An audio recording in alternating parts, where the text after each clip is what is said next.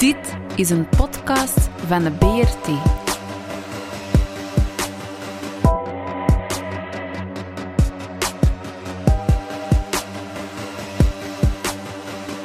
De Brabantse radio- en kleurentelevisie. Eh, Goeiedag luisteraars en welkom bij Brasserie Brabant, een podcast van de Brabantse radio- en kleurentelevisie. Van Nijvel tot Sertogenbos, uw portie cultuur, historiek en actualiteit. Ik ben Christophe, uw host en een van de vaste stamgasten van de Brasserie. En vandaag heb ik natuurlijk ook weer een co-host, een van onze andere stamgasten uit Noord-Brabant, Ramon. Dag Ramon. Goeiedag Christophe. Vandaag hebben we het over misschien wel de oudste traditie of de oudste noodzakelijkheid van de mensheid, migratie. Migratie is van overal, zo ook natuurlijk in Brabant. We kennen vandaag de expats, de arbeidsmigranten en nog niet zo lang geleden spraken we over gastarbeiders. Maar Brabant trekt al eeuwenlang migranten uit alle windstreken. Wie een blik zou kunnen werpen op Antwerpen uit de 16e eeuw, zag meteen Brabanders komen in alle kleuren en alle maten en van overal. En laat het net die culturele kruisbestuiving zijn die de Brabantse cultuur deed groeien, die voor vernieuwing zorgde. Zo was het toen, zo is het vandaag en zo zal het morgen ook zijn. Als gast hebben wij daarom vandaag twee ervaringsdeskundigen uit Groot-Brittannië, stand-up comedian Nigel Williams en uit Afghanistan ondernemer Yama Sarash. Dag heren. Ja, Goedenavond. Goedenavond. Goedenavond. Goedenavond en welkom en dank u wel dat jullie onze gast willen zijn. Ik vlieg direct met de huis, uh, met de huis, met de deur, met de deur gewoon in huis. Hoe zijn jullie hier terechtgekomen? Ja, wie van het verste komt, zegt eerst. Oké, oké, okay, dat zal ik wel zijn. uh, ja, ik, uh, ik ben uh, als kind zijn met mijn familie zijn wij naar Nederland gevlucht voor oorlogsgewend in Afghanistan. Mm -hmm. Uh, en uh, ja, ik was 11, 11 jaar. In 1998 was dat met de WK. WK 98 was Nederland tegen Brazilië. Ik zal het nooit vergeten. Ik, vond, ik vond de Nederlandse shirt zo, zo, zo lelijk, zo, zo fel oranje. en wij zaten in een asielzoekerscentrum of opvangcentrum. En dat was 11-jarig, geloof ik. Maar goed, dan, dan loop je al gauw door het asielprocedure en al gauw. Wij kwamen in eerste instantie terecht in Limburg, uh, Weert, Nederweert, en daar heb ik mijn middelbare school gedaan. En uh, ben in Eindhoven terechtgekomen voor mijn, uh, voor mijn HBO-studie in elektrotechniek en technische bedrijfskunde heb ik in Eindhoven gedaan. Ah ja. Mm -hmm. En Nigel? Ah, dat, dat, dat, kan ik niet mee concurreren natuurlijk. Ik vind dat zo een heel, een heel, een heel geschiedenis. Want bij mij is dat simpel. Hè. Ik, ben, ik kom uit Groot-Brittannië. Groot-Brittannië was toen uh, lid van de EU. Eind jaren 70, begin jaren 80. Um, ik verloor mijn werk in Engeland. Dus ik ben ook eigenlijk een economische, uh, verplaatsbare iemand. Ik zou niet zeggen vluchteling, want ik moest niet vluchten per se omwille van miserie of zo. Maar ik ben een economische gelukszoeker. Uh, en ik ben geen expat. Ik haat dat terminologie. Ja. Uh, en ik ben erin gekomen voor werk. En ik vond werk. En uh, ik vond het oké, okay, omdat de, ik vond het minder agressief als in Engeland. In de wijken waar ik opgegroeid ben. Ik kom uit een familie van 14 kinderen. Ja. En, en, toch geen katholiek. Um, maar ook geen protestant. Hè. Ik vind die oranje hemden van Nederland ook verschrikkelijk. Want ik heb vrienden in Belfast. dat is een andere betekenis.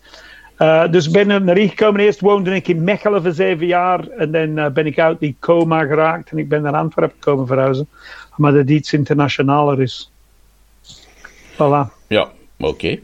En jij bent dus uh, comedian geworden na verloop van tijd. Je hebt eerst in het fabriek of zo gewerkt? Ja, ik heb, eerst, ik heb 24 jaar in, in, in fabrieken gewerkt als lasser eigenlijk. Hè. Ah, ja. Dus... ehm, En denk, Dat je dat, je, denk je dat je ooit comedian zou geworden zijn, stel dat je gewoon in, in Engeland wordt gebleven? Ik weet dat niet. Ik, ik, ik doe niet mee aan zulke gistdingen. Want anders moet je blijven waar je zat. Ja. Um, en ik, ik probeer altijd vooruit te kijken. Daarmee, ik heb drie kinderen. Ik heb ze alle drie opgevoed. Eerst in het Nederlands en heb ik ze pas Engels geleerd. Uh, omdat ik niet van plan was om terug te gaan. En nu nog minder als, als daarvoor. En uh, dus ik dacht Nederlands, of, of de Vlaamse versie van Nederlands, moet uw eerste taal zijn. Um, en dat is het dan. En ik Ja. kijk niet hoe dat geweest had kunnen zijn. Want ik heb mijn familie die wonen allemaal in Engeland. En dus ik zie, ik zie hoe het had kunnen zijn. Mhm. Door naar hen te kijken. En ik ben blij dat ik hier ben. Het enige dat ik mis is de natuur. En propere lucht. Ja. Daar, daar kan ik me iets bij voorstellen, inderdaad. Eh, eh, Nigel hoe wordt een, eh, een, een Engelsman. Ik heb een Engelsman, hè? Geen, Ja. eh, of Brit, ja, Engelsman.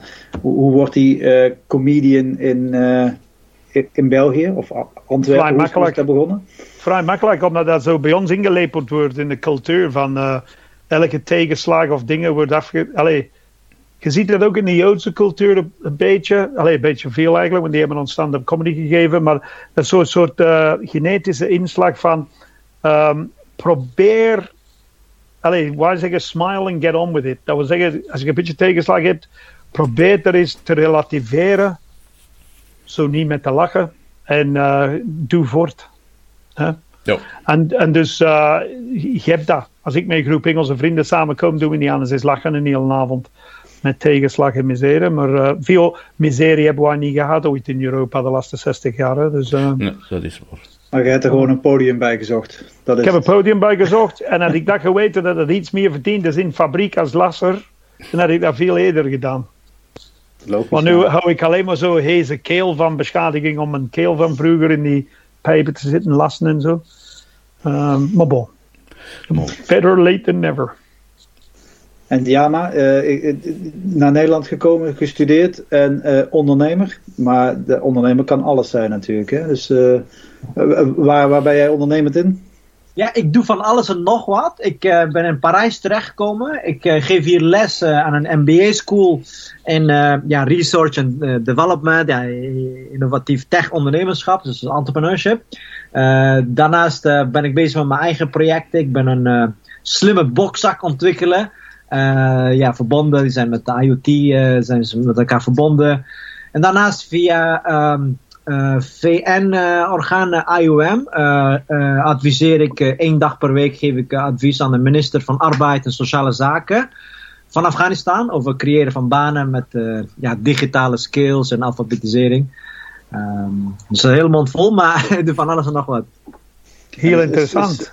Is, is dat iets eh, typisch Afghaanse trek om zo ondernemer te zijn? Of, eh, of is dat typisch, eh, typisch Jama? Nou goed, ik denk Afghanistan is eh, geografisch gezien, wij liggen in kruispunt eh, eh, van verschillende culturen, beschavingen. Mhm. En historisch gezien was Afghanistan ehm, middelpunt van eh, eh, Oost en West, of in ieder geval van de, van de eh, zijderoute. Dus, dus, dus eh, voorheen, eh, de zijderoute liep dwars door Afghanistan, eh, dus eh, via naar China, Rome naar China.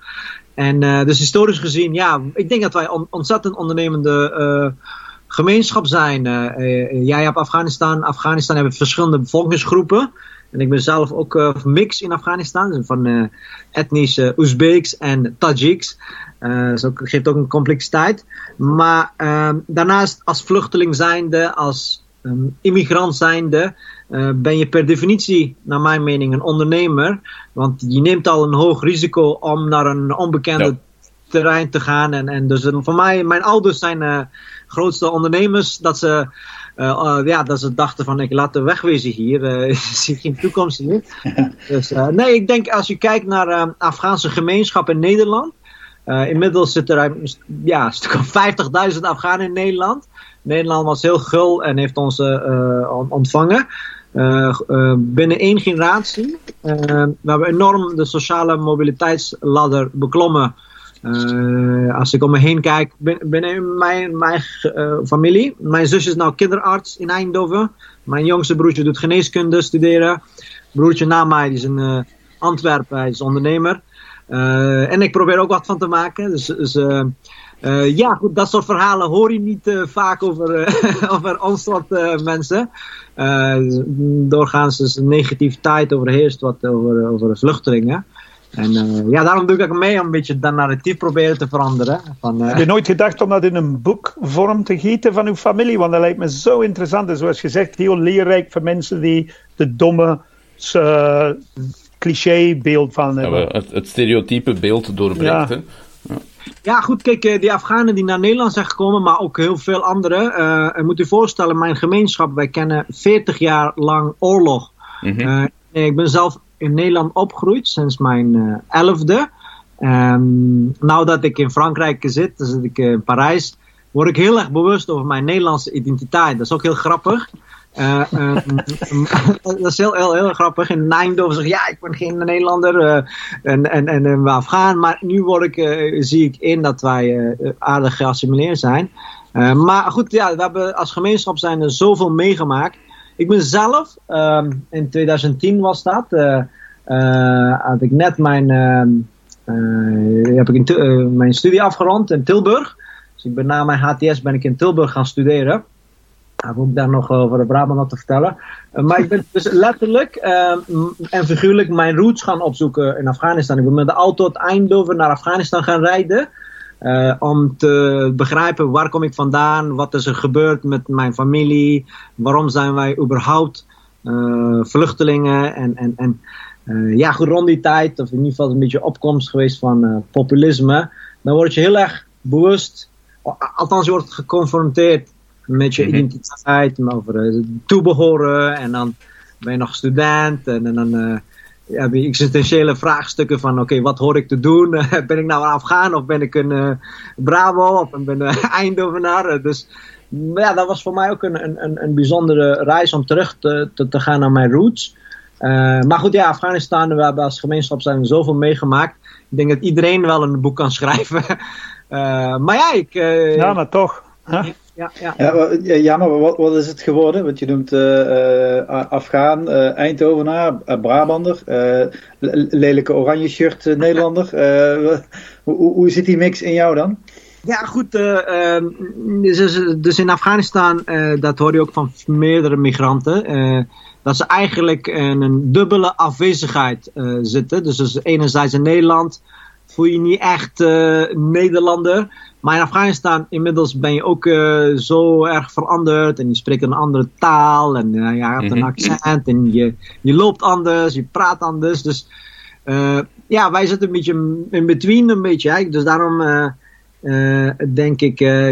ja, meerdere identiteiten. En ook meerdere loyaliteiten waarschijnlijk. Hè? Dus, Sowieso, Sowieso, ja. Uh, ja, ik ben ook gaan, in plaats van te kiezen uh, tussen, ik ben gaan omarmen van, oké, okay, ik, uh, ik koester mijn Afghaanse roots en achtergrond. En, en ook mijn Nederlandse identiteit, daar, daar hoef ik ook mij niet voor te schamen. En mijn Brabantse roots, dat is ook ontzettend nuttig, blijkt nu in Parijs. Hier, ik, ik leverage daar heel goed mee met wat, wat ik in Eindhoven heb opgedaan. Met high-tech industrie, ondernemerschap en, en, en mm -hmm. wat uh, roots daar. Uh, dus dat, daar maak ik gewoon handig gebruik van. En ik ben daar dankbaar voor. En dat verrijkt mij. En uh, daar, daar hoef ik mij niet meer voor te schamen of, te of mijn meer, meerdere identiteiten te verbergen. Dat verrijkt mij alleen maar. Absoluut, ja. Absoluut, ja. Bekend verhaal, Nigel, voor jou ook? Bah, ik, heb, ik heb heel veel vrienden in het Antwerpse die migratieachtergronden hebben. Um, en, en diezelfde verhaal hoor je als net gezegd is. Van, um, van ja, je voelt u wel thuis in beide plaatsen, um, maar ook niet. Hè? Dus, dus mm -hmm. je zit altijd met die strijd. En ik zeg altijd, als ik in Engeland ben, bij mijn familie, dan verdedig ik België uh, en andersom. Ja. En, uh, en in Bel binnen ben België zelf, zeker in Vlaanderen, want Vlaanderen is een heel parochiaal uh, gedoe. Elke dorp heeft zijn eigen nazistaat, precies. Ja. Uh, dan verdedig ik Antwerpen tegenover West-Vlaanderen of dit of dat. Maar het is, het is heel dubbel, want dan in Antwerpen ben... Ik zeg altijd, in Antwerpen zeggen ze, hey, ons man. En in uh, West-Vlaanderen zeggen ze, hey, Antwerpenaar. En dan in Engeland zeggen ze, oh, je bent precies een Belg geworden. En dus ja. uh, ik zeg, oh, dat is toch goed, dan heb ik verschillende nationaliteiten. Dus ik heb, ik heb net de Belgische nationaliteit aangevraagd, maar wegens bureaucratie kan dat nog even duren. Um, maar bon, ik vind dat niet erg. Nationaliteiten, dat is like uh, goed humeur. Je kunt er nooit genoeg van hebben.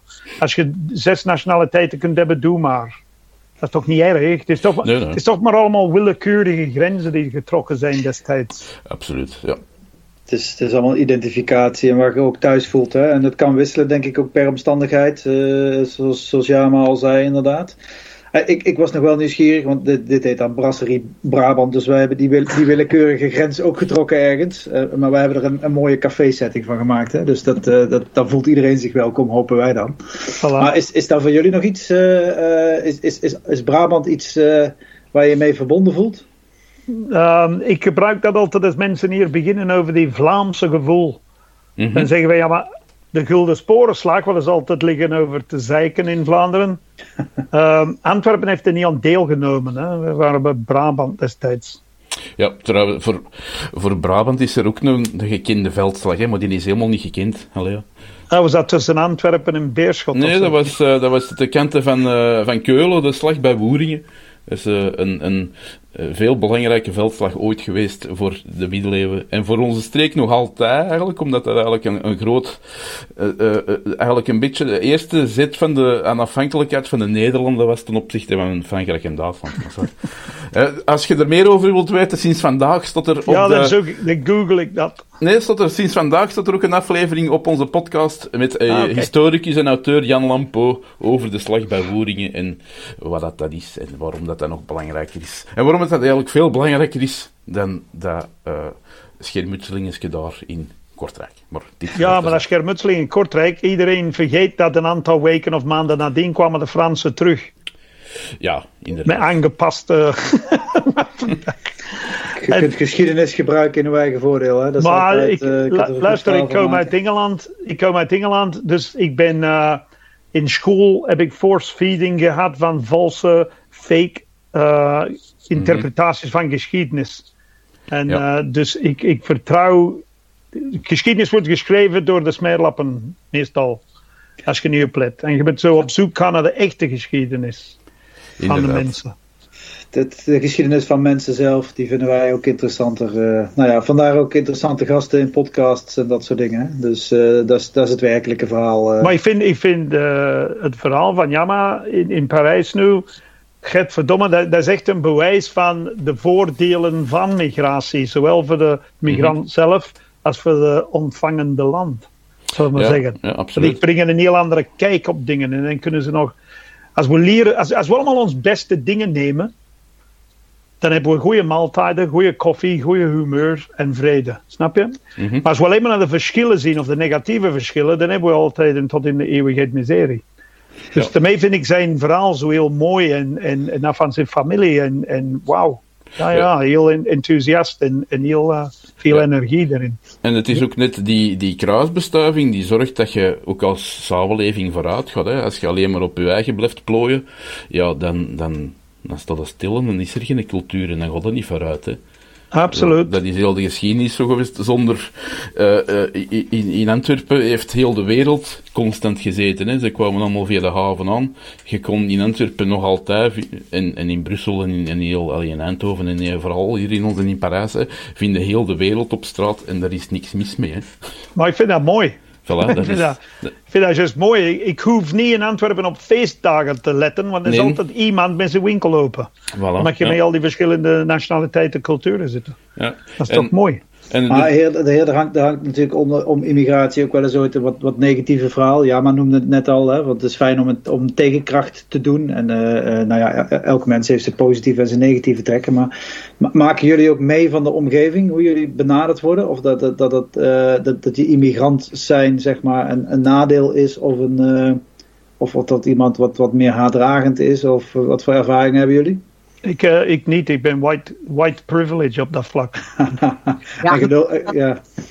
Ik heb daarmee andere eh, eh, ehm, ervaringen mee. Eh, eh, ehm, overigens, ja, we zijn natuurlijk als eerste generatie oorlogsvluchtelingen. We zijn natuurlijk Nederland ontzettend dankbaar. En, en wij zijn dan ook nog bevoorrecht dat, dat, dat, dat we in zo'n innovatieve regio als Eindhoven terecht zijn gekomen. Mag je eens even vragen, is dat, is dat een bewuste keuze geweest of is dat toeval dat je in, in Nederland bent terechtgekomen?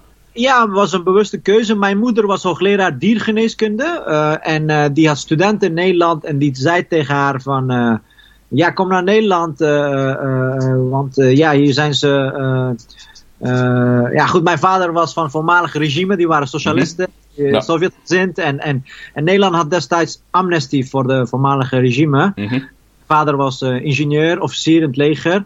En ja, goed, dus, dus wij waren dan vervolgd en, en politiek vervolgd. En ja, ik kon naar Nederland en binnen een jaar, een jaar was alles geregeld. Dus we waren heel goed ontvangen. En, en er waren nog eens andere tijden. Nu, nu, mhm. nu heel veel uh, ja, commotie over vluchtelingen en noem maar op. Maar goed, wij zijn goed terechtgekomen. We zijn ontzettend dankbaar voor de kansen en mogelijkheden uh, die ons gegeven zijn.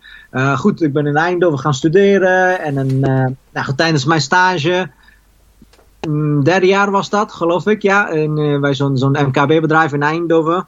Veldhoven was dat. En ehm, ja, dan toen zag ik in van, oké, mensen hebben wel een ontzettend lage verwachtingspatroon van mensen zoals mij.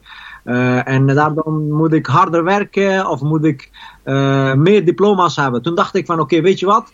HBO, dat is, ja, ik ga even universiteit doen. Ik ga even kappen na drie jaar ATS. Dus ik ben helemaal opnieuw in Tilburg universiteit gaan doen. Um, en ik dacht, laat ik iets doen internationaals. Dan ben ik niet gebonden aan hier provincie.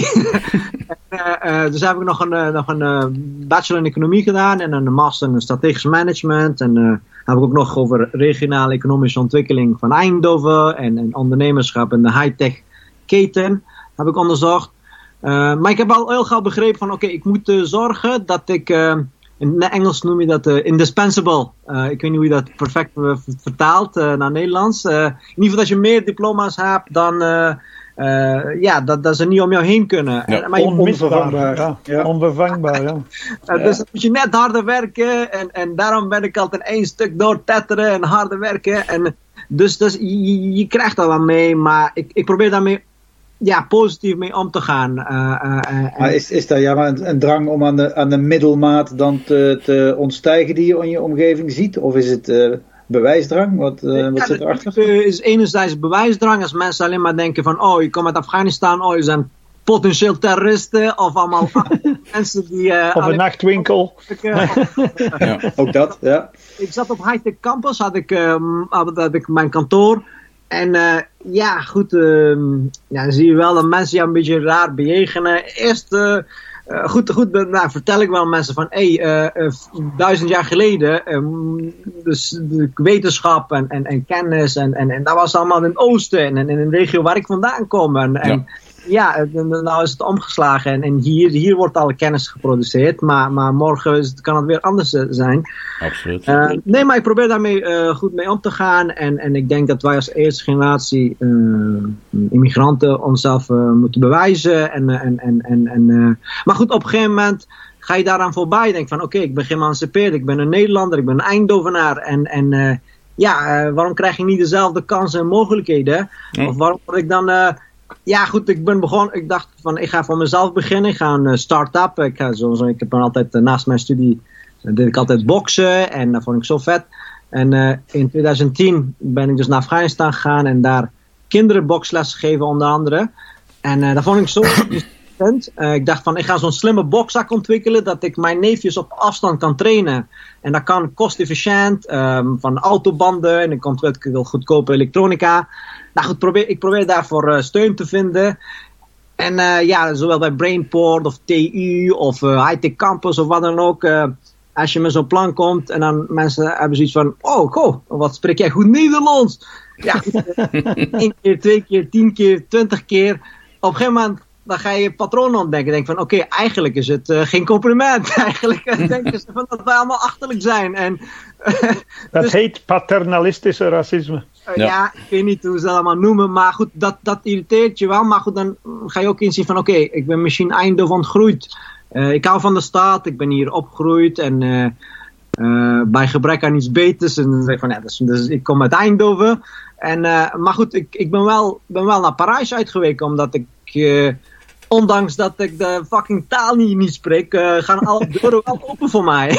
ik heb een jaar durfkapitaaltraining gevolgd. Ik werd um, bij zo'n uh, grootste, de grootste incubatorprogramma ter wereld, dat Station F, we noemen ze dat. Dus werk ondersteund. En nu zit ik in een programma rondom Olympische Spelen 2024 met mijn slimme bokzak. Nou, hier word ik niet uitgelachen. Hier nemen ze mij serieus dat was een beetje anders in Eindhoven. Dus dat was mijn ervaring in Eindhoven. Maar, maar voor de rest, uh, ja goed, uh, ik denk, uh, ik, ik als migrant moet mijzelf bewijzen. Ik ben ontzettend dankbaar voor de kansen en mogelijkheden die ons zijn gegeven. Toen ik in 2010 naar Afghanistan ben gegaan. En toen zag ik waar ik vandaan kom. En ehm, mijn regio, eh, wij komen uit het noorden van Afghanistan. Onze regio Sarepol, Sancharak. Ja, onze uh, vallei waar mijn vader geboren is. Ja, 80, 90 procent kan niet lezen en schrijven. En uh, ik ben in Eindhoven opgegroeid, de meest slimste vierkante kilometer ter wereld. dus die, die contrast, dat heeft me altijd ehm, ja, gefascineerd. En, en hoe, hoe oneerlijk eigenlijk de wereld is. En ik begeef me daar, daartussen. En daarom ook een beetje die, niet alleen dat bewijsdrang, maar ook dat um, guilt, uh, survival guilt. Uh, hoe zeg ja. je dat? Ja, daar zit iets avontuurlijks in je, ja. in je genen in ieder geval. Uh. Ja. Nou, Nigel, is, is, is bij jou, ga jij Antwerpen ook ontgroeien? Of, nee, of, ik, bij Antwerpen ben je snel ontgroeid hoor. allee, wat, wat mij vooral stoort is, ik kom uit de sociale arme achtergrond. Hè. Dat wil zeggen, um, ik, ik, was blij om weg van Engeland te zijn, omdat er nog steeds en ook nu nog uh, een klassenmaatschappij is. Hè. Wat wil zeggen, als je van bepaalde postcodes komt, of uh, bepaalde streken komt, of uh, na vanavond te werk, of de opleiding van je ouders, je, dat je in een bepaalde klasse, een onzichtbare klassencategorie wordt gestoken en, mm-hmm. en je krijgt weinig kansen. Allee, het is te zeggen, um, binnen Engeland zelf zeggen ze, ja, dat gaat een arbeider worden dan een, uh, en dan word je arbeider en zo. Dus ik, ben, ik heb een hele sterke gevoel van klasse en maatschappij en sociaal en, en zoals Jana zei, eerlijkheid en oneerlijkheid. Maar dan kom je naar België en dan kun je opnieuw beginnen, want dat bestaat niet. En uh, het eerste dat ik deed was de taal leren en dat is allemaal goed. En je gaat door drie fases als je de taal leert in uh, deze heerlijke Brabant, heb ik gemerkt. En dat is dat als je, begint, uh, als je begint Nederlands te leren, dan moedigt iedereen u aan. Van, oh, fantastisch dat je dat doet. En er zijn zo weinig mensen die dat doen. En jij doet dat goed. En, en dan begin je beter te kunnen. En dan beginnen ze te wijzen op uw fouten. En dan begin je dan redelijk goed te kunnen spreken. En je neemt standpunten in. En dan nemen ze op elke taalfout of uh, om te kunnen zeggen dat je niet echt thuis hoort hier. En, en je van, oh, weet je wat, in, in, in uh, Nederlands gezegd, go fuck yourselves. Ja. Um, en, en dat vind ik zo, van kleine mensen is dat altijd de go-to argu argument op het einde van, ah ja, in plaats van te luisteren naar wat je zegt, ze luisteren naar wat je zegt om een soort bewijs te kunnen krijgen van, ah ja, je bent toch niet... Uh, toch niet van hier. En, en maar de, de, de verwarring is heel groot van ik zie dat bij andere migranten ook hier. Um, mensen verwarren hun uh, soms gebrekkige taal aan gebrek aan intelligentie. Ja. Wat helemaal niet het geval is. Allee, snap je? Ja, ik ben Engelsman, dus er zijn weinig Engelsen in Antwerpen. Niet zo heel veel. Ik denk 17.000 in de provincie. Maar, uh, maar dat is niet zoveel en we, we hangen niet samen. Dus dan is het iets makkelijker om Nederlands te leren.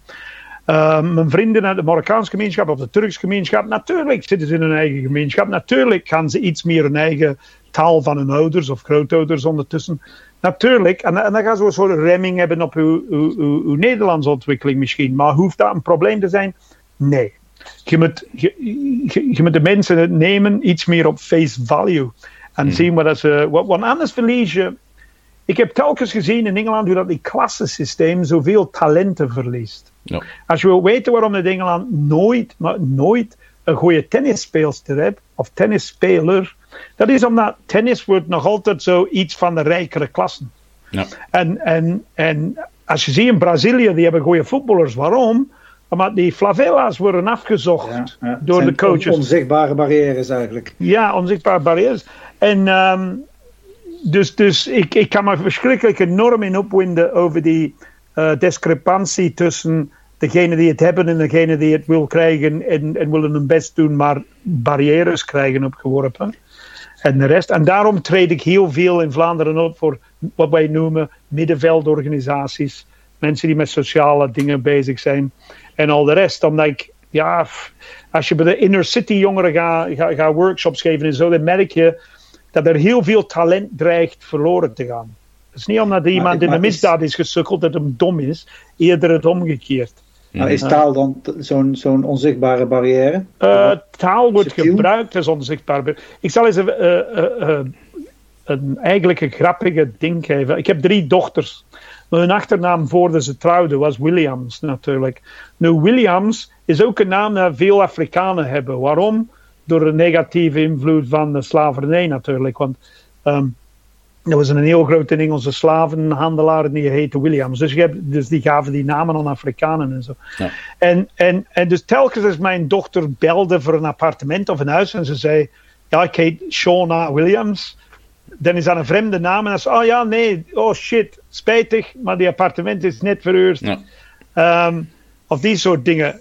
Ze, ze moest bijna een face-to-face afspraak hebben om zoiets uit te komen. En dat is, dat is ik noem dat niet racisme, dat is iets, uh, eerder xenofobie puur, hè, van bang van wat je niet kent. Ja. En als havenstad, en als wereldhavenstad, is dat toch een vrij schandalige ding. Ik zeg, hoe kun je nu een, een wereldhaven hebben, wat het Antwerpen is, terwijl je de rest van de wereld niet graag hebt? Mm -hmm. dat, is toch, dat is toch absurd? Antwerpen is altijd zo'n handelsstad geweest. En in mijn comedy, in mijn cabaret, leg ik altijd de pijnpunt aan de val van Antwerpen. Ja. Als Antwerpen gevallen was, dan zijn de intellectuelen allemaal verhuisd naar Amsterdam. En we zouden ze graag terug hebben, want Amsterdam gebruikt ze ook niet, zo te zien. maar taal is in die zin wel een soort barrière die ook. Uh, uh, er is een, een, soort hogere graad van, van, van Belgschap of Nederlanderschap of Antwerpenaarschap die, die, die het bij elkaar wel weten te vinden, blijkbaar. En die, subtiel natuurlijk mensen die niet aan die norm, sociale norm, taalnorm of weet ik veel wat voldoen, sub, ja. subtiel buitensluiten. Het is misschien geen, geen, geen dwingend racisme of openlijk racisme, maar dat, dat gebeurt denk ik. Uh, ik denk de angst is van wel. een kleine taalgroep.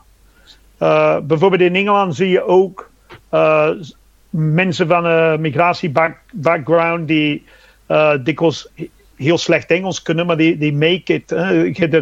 Onla onlangs was iemand van het parlement aan het interviewen met, met Indische achtergrond. En, en die Engels was vrij erbarmelijk, maar ze is toch verkozen tot parlement. Maar niemand valt erover, omdat je denkt, mm -hmm. ja, normaal, dat is normaal dat ze geen Engels perfect spreekt. Komt ook niet van hier. Uh, snap je? En het, want, want, Engels is zo lingua franca of zoiets, of hoe noem je dat? Ja, Zelfs ja. waarschijnlijk bij Yama in Parijs, ze zijn iets meer gewoon. Terwijl Nederlands als taal is een kleinere groep. En, en ze hebben meer de angst van een taal en een identificatie te verliezen. Misschien dat.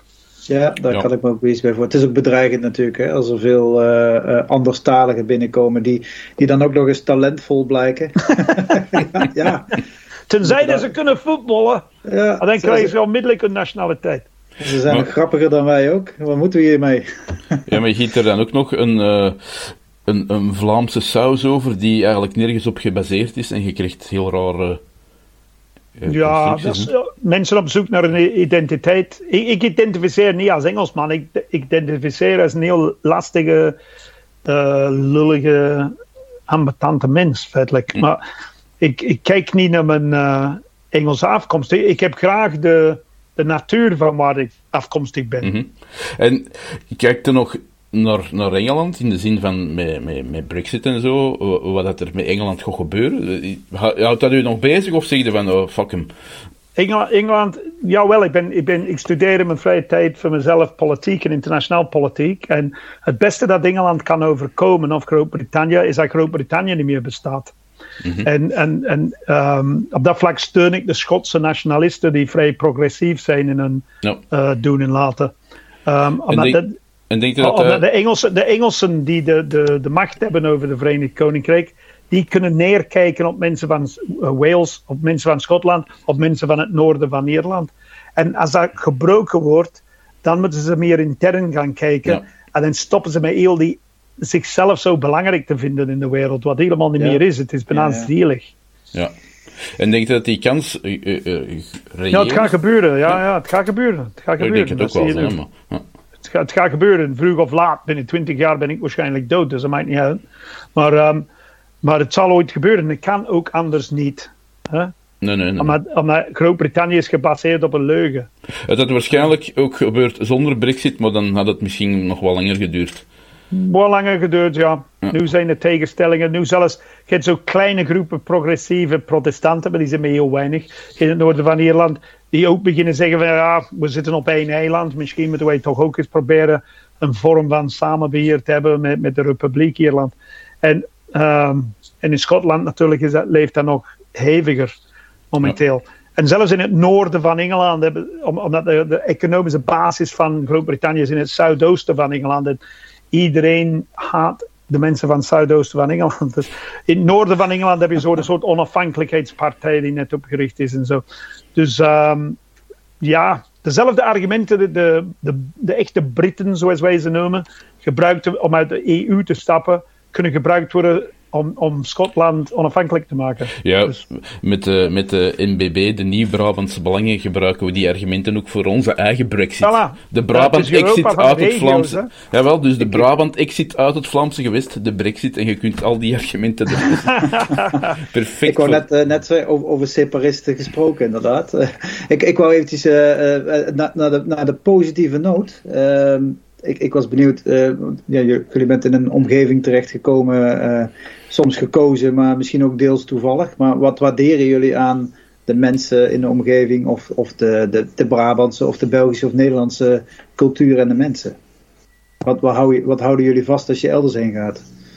Ik, ik word me daar heel bewust van nu ik in Parijs zit. Um, dat wij in Nederland heel erg direct zijn en, en, en to the point. Mm -hmm. En in Frankrijk hebben ze een ja, heel high context language. Uh, dus ze, ze, ze, zeggen iets en dan bedoelen ze eigenlijk iets anders. En dan is het zo frustrerend van, weet je wel. Dus daarin, ik ervaar nu dat culturele shock. Um, dus ik, ik, ik, ik ben er van uh, bewust geworden uh, dat wij in Brabant en in Nederland het algemeen dan, dat we heel direct zijn en, en, en, nuchter enerzijds en, en, en heel direct. Uh, dat, dat, dat, dat, waardeer ik. Dat, en, en alles is gewoon goed geregeld uh, in, in, in, Nederland. Wat niet kan gezegd worden voor deze kant van Brabant dan. Nee, nee dat is misschien een ander beeld, Nigel. Vertel. Nee, maar ik, ik, uh, wat Jan dus net zegt, dat is correct. Ik kan Engelsman. Ik, ja, ik ken dat soort Nederlands cultuur. Dat is zo'n debatcultuur. Hè. Jullie hebben waarschijnlijk ook in scholen zo debatclubs en zo. Wat dat minder is in, in Vlaanderen, denk ik. En ik, ik, ik hou ervan. Hè. Als, als ik naar Nederland ga optreden, dan ben je tenminste op de hoogte van, van hoe het gaat gebeuren. Terwijl in België heb je iets meer van. Gert verdomme, zeg wat je wilt zeggen. Maar, maar je hebt toch een soort. Uh, hoe noem je dat? Zo'n soort. Ja, Vlaanderen is waar dat de Franstalige cultuur de Nederlandstalige cultuur ontmoet. En het is eraan te zien. Alles wordt. Zoals ze zeggen, in Nederland maak je beslissing in de directiekamer. In, in Vlaanderen gebeurt dan een toog. Ja, ik, ik denk dat dat beeld wel van zuid naar noord uh, geleidelijk verloopt hoor. Ik dus Noord-Brabant en Zuid-Brabant gaan ook onafhankelijkheidsstrijd tegen elkaar. ja, nou ja, als, als mocht het ooit weer samenkomen, dan breekt de pleuris terug onderling ook weer uit. ja, absoluut. maar ik bedoel, als, als ik een Noord-Brabander uh, in het noorden van Nederland neerzet, ervaart hij daar ook het nog directer en nog uh, confronterender. Uh, tenminste, ik ja. heb zelf die ervaring omdat ik in het westen van het land ben gaan werken. In Brabant zijn we natuurlijk ook altijd een beetje onder de knoet van het katholicisme en het heeft niet zoveel zin om alles ter sprake te brengen. Maar we zijn natuurlijk aardig uh, Hollands geassimileerd inmiddels. En ik merk het ook, als, als je in Antwerpen bent, uh, die, die, die Belgische omvloerstijd, die is in Antwerpen ook weer een stuk minder. Daar zijn dat Antwerpenaren zijn, zijn wat dat betreft vrij postiger weer dan, ervaar ik dan. dan en de rest van Vlaanderen? Dan, dan de rest van, van, uh, ja, van België, denk ik zeker, ja. In de rest van Vlaanderen zeggen ze Antwerpenaren hebben een grote bek. Maar ik zeg, ja, we hebben ook iets te zeggen. en... Nee, nee, maar, maar wij maken het verschil. Cabaretesk gezien zeggen wij in Vlaanderen, als je zegt hoe gaat het met je, dat is geen vraag. Dat is gewoon een opmerking. Terwijl in Nederland is dat een vraag en je krijgt ook een antwoord. Zeker. Dus, dus in, in België zeg je hoe gaat het met je? Blah. Blah. En dat is een antwoord. En in Nederland is, nou ja, deze week is goed, maar vorige week was niet goed. En, uh, en je krijgt, uh, krijgt uh, het debat van drie uur, of, als je niet korte metten mee maakt. En, en, en, maar ik herken dat van in Engeland. En dus dus ik, ik zie dat wel. En ja. ik, ik hou ervan. Ik hou van de Nederlandse directheid. Maar dat blijft het debatteren. Nou ja, je moet eens een keer stoppen ook. Op een gegeven moment moeten stoppen, ja. Terecht punt. Het geldt overigens ook langzamerhand voor deze podcast. Oh ja. Maar ik, ik, praat graag door nog hoor. Dus uh, nou, we hebben zeker nog een paar leuke vragen. Uh, ja, ik, ik, was, ik was heel erg benieuwd. Want wij, wij kennen ook de historie van Brabanders die zelf immigreren of emigreren en er elders immigrant zijn. En, en, dan kom je in Canada of Australië of Verenigde Staten kom de groepjes Brabanders tegen. Nou ja, in, in, ieder geval als Nederlander herkenden ze meteen. Maar die, die worden dan ook een soort, soort, dat wordt een soort gestold stukje Nederland of Brabant wat je dan nog ziet. Ja, en zowel in taal als in, gebruiken of vasthouden aan gewoontes. Dreigt dat voor jullie ook niet een beetje als jullie, waar jullie wonen? Zijn, zijn jullie uh, uh, ouderwetse Afghanen? Of nou, die indruk krijg ik niet aan maar ik, ik ben ook benieuwd. Is, is, is inmiddels, zijn ze in Afghanistan ook een stuk verder dan, dan, dan, dan jij je als Afghaan voelt? Of in, in Engeland? Ja, Afghanistan is een complex verhaal. Um, ja, goed, we hebben in die 40 jaar oorlog is er iets van 10 miljoen mensen uit Afghanistan gevlucht. Um, maar ik ben zelf heel veel, als econoom zijnde, ben ik heel veel bezig geweest uh, met onderzoek naar uh, migratie en ontwikkeling vraagstukken, maar ook uh, financial remittances en social remittances. Dus als dat wij Afghanen buiten Afghanistan, dat wij ideeën terug kunnen brengen. Um, maar goed, de cultuur is is niet statisch, dat verandert altijd, dat is dynamisch. Dus, dus ik woon in Eindhoven, uh, of ik heb in Nederland gewoond lang, dus daarin zie ik, ik ben heel anders dan een Afghaan uit Amerika. Dus je assimileert mee met de lokale cultuur. Ja, uh, ja, ja, ja, dus... Uh, ja. Wat, ik, ik heb dat overkomen. De, de, de Engelsen neigen om te doen wat de Nederlanders doen altijd. In, ze gaan in een ander land wonen en dan zitten ze in hun eigen enclave. Ze willen gewoon een versie van hun eigen land ontwikkelen, maar met zon meestal. Ja. Dus ze gaan dan in, mhm. in Spanje wonen of zo. Daarom vermijd ik elke groep, zoals op Facebook zie je expats in België of expats dit. Of ik, ik probeer daarvan weg te blijven, omdat die, ja, die, die, die willen zich niet, um, of, of die hebben de zin niet om, om, te, om te beseffen van je woont die, je werkt die, je probeert deel uit te maken van. Uh, van de maatschappij waar je in woont. En die willen altijd zo, ja, die domme dingen. Als je ooit wilt lachen, moet je zo op de uh, Facebook-pages gaan van expats in Parijs, of expats in Antwerpen, of expats in Brussel. De vragen die ze stellen, het is, het is om te lachen. Zo van, uh, onlangs hadden we een expats in, in Antwerpen, de vraag van iemand van zijn er katholieke kerken in Antwerpen? Ik dacht, what the fuck? Overal wil je toren zien, man. Je hebt toch Google? Je zit op fucking Facebook. Dus je hebt Google of weet ik veel. Dus zoek het op. Ja, nu zal vragen. En ze willen gewoon een eigen land, omdat ze van...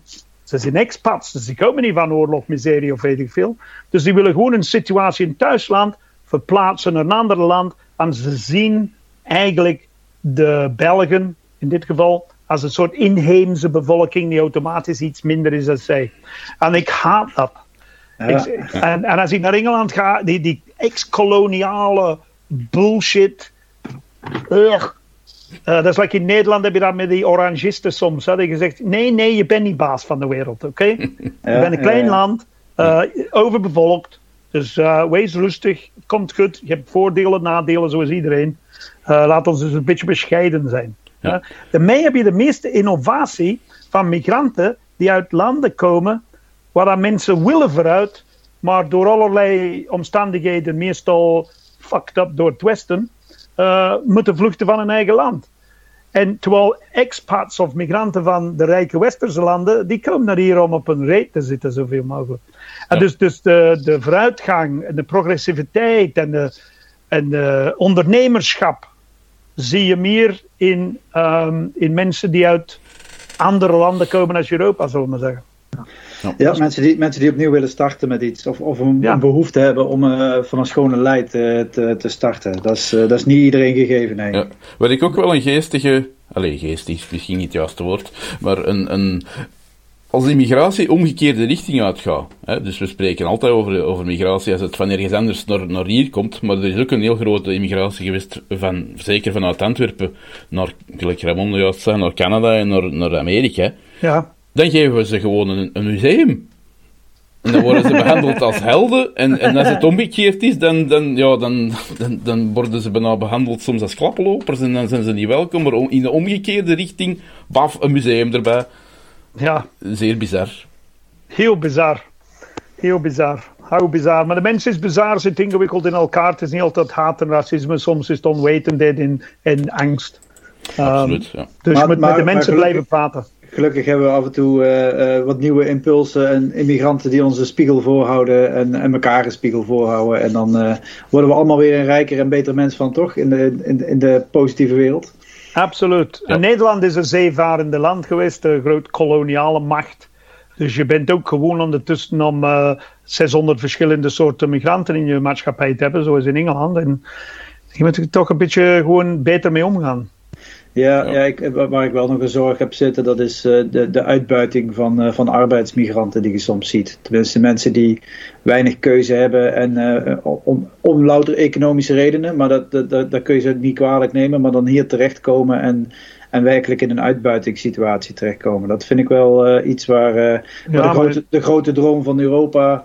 Eh, die, die heeft ons zeker heel veel gebracht. Maar op dit vlak is het, zijn misschien de, de, de grenzen wel iets te, te makkelijk. eh, voor sommige mensen wordt, eh, is, is het misbruik maken te makkelijk gemaakt. Ja, tuurlijk. Maar dat is, de wetgevende macht die dat moet veranderen of eh, harder tegen optreden, hè? toch? Ja, zeker, zeker. Ja.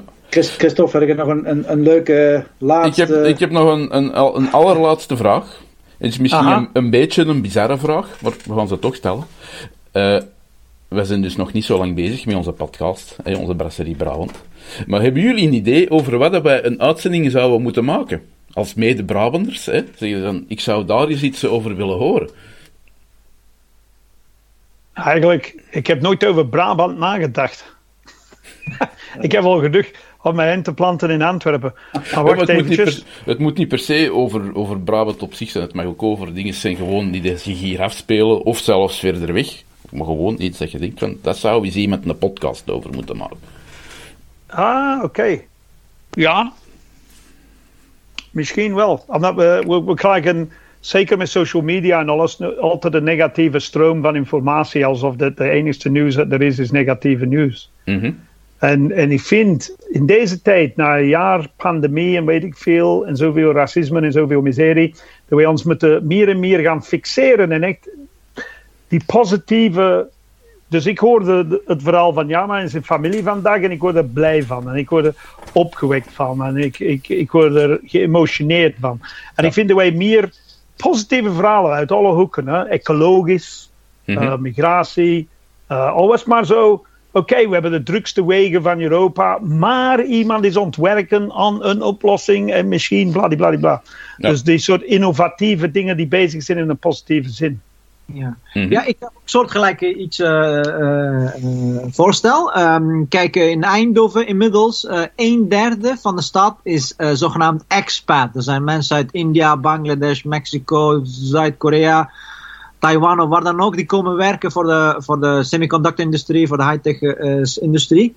Eh, dus dat zijn expats. En goed, daarnaast zijn er ook eh, dus mensen van migranten komen af, eh, vluchtelingen, maar ook voor voormalige gastarbeiders en hun, nazaten. Dus dat is weer een hele andere categorie. Dat is, minder, eh, minder eh, aantrekkelijk. Eh, ehm, eh, maar, maar een stukje, kijk, diversiteit staat op de agenda, maar inclusiviteit. Dus, dus eh, het gevoel van dat, dat je erbij hoort. Eh, kijk, heel veel van die expats uit India, die, die ervaren ook een, een culturele schok. Ehm, maar ook heel veel vrienden van mij, die, die, die, die, die na een tijd willen ze gewoon naar Den Haag of naar Amsterdam.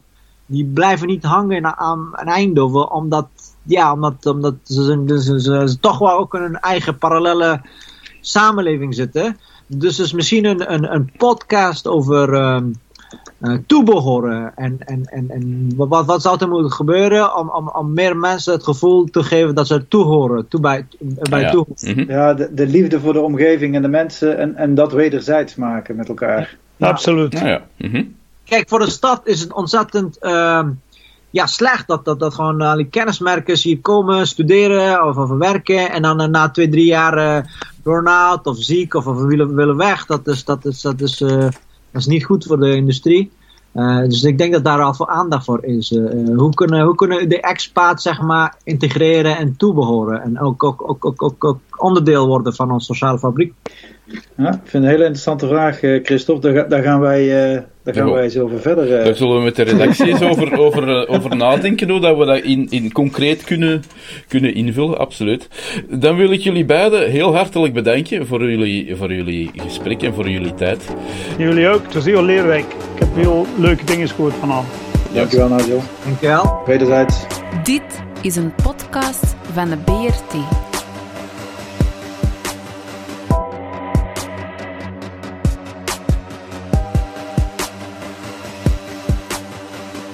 De Brabantse radio- en kleurentelevisie.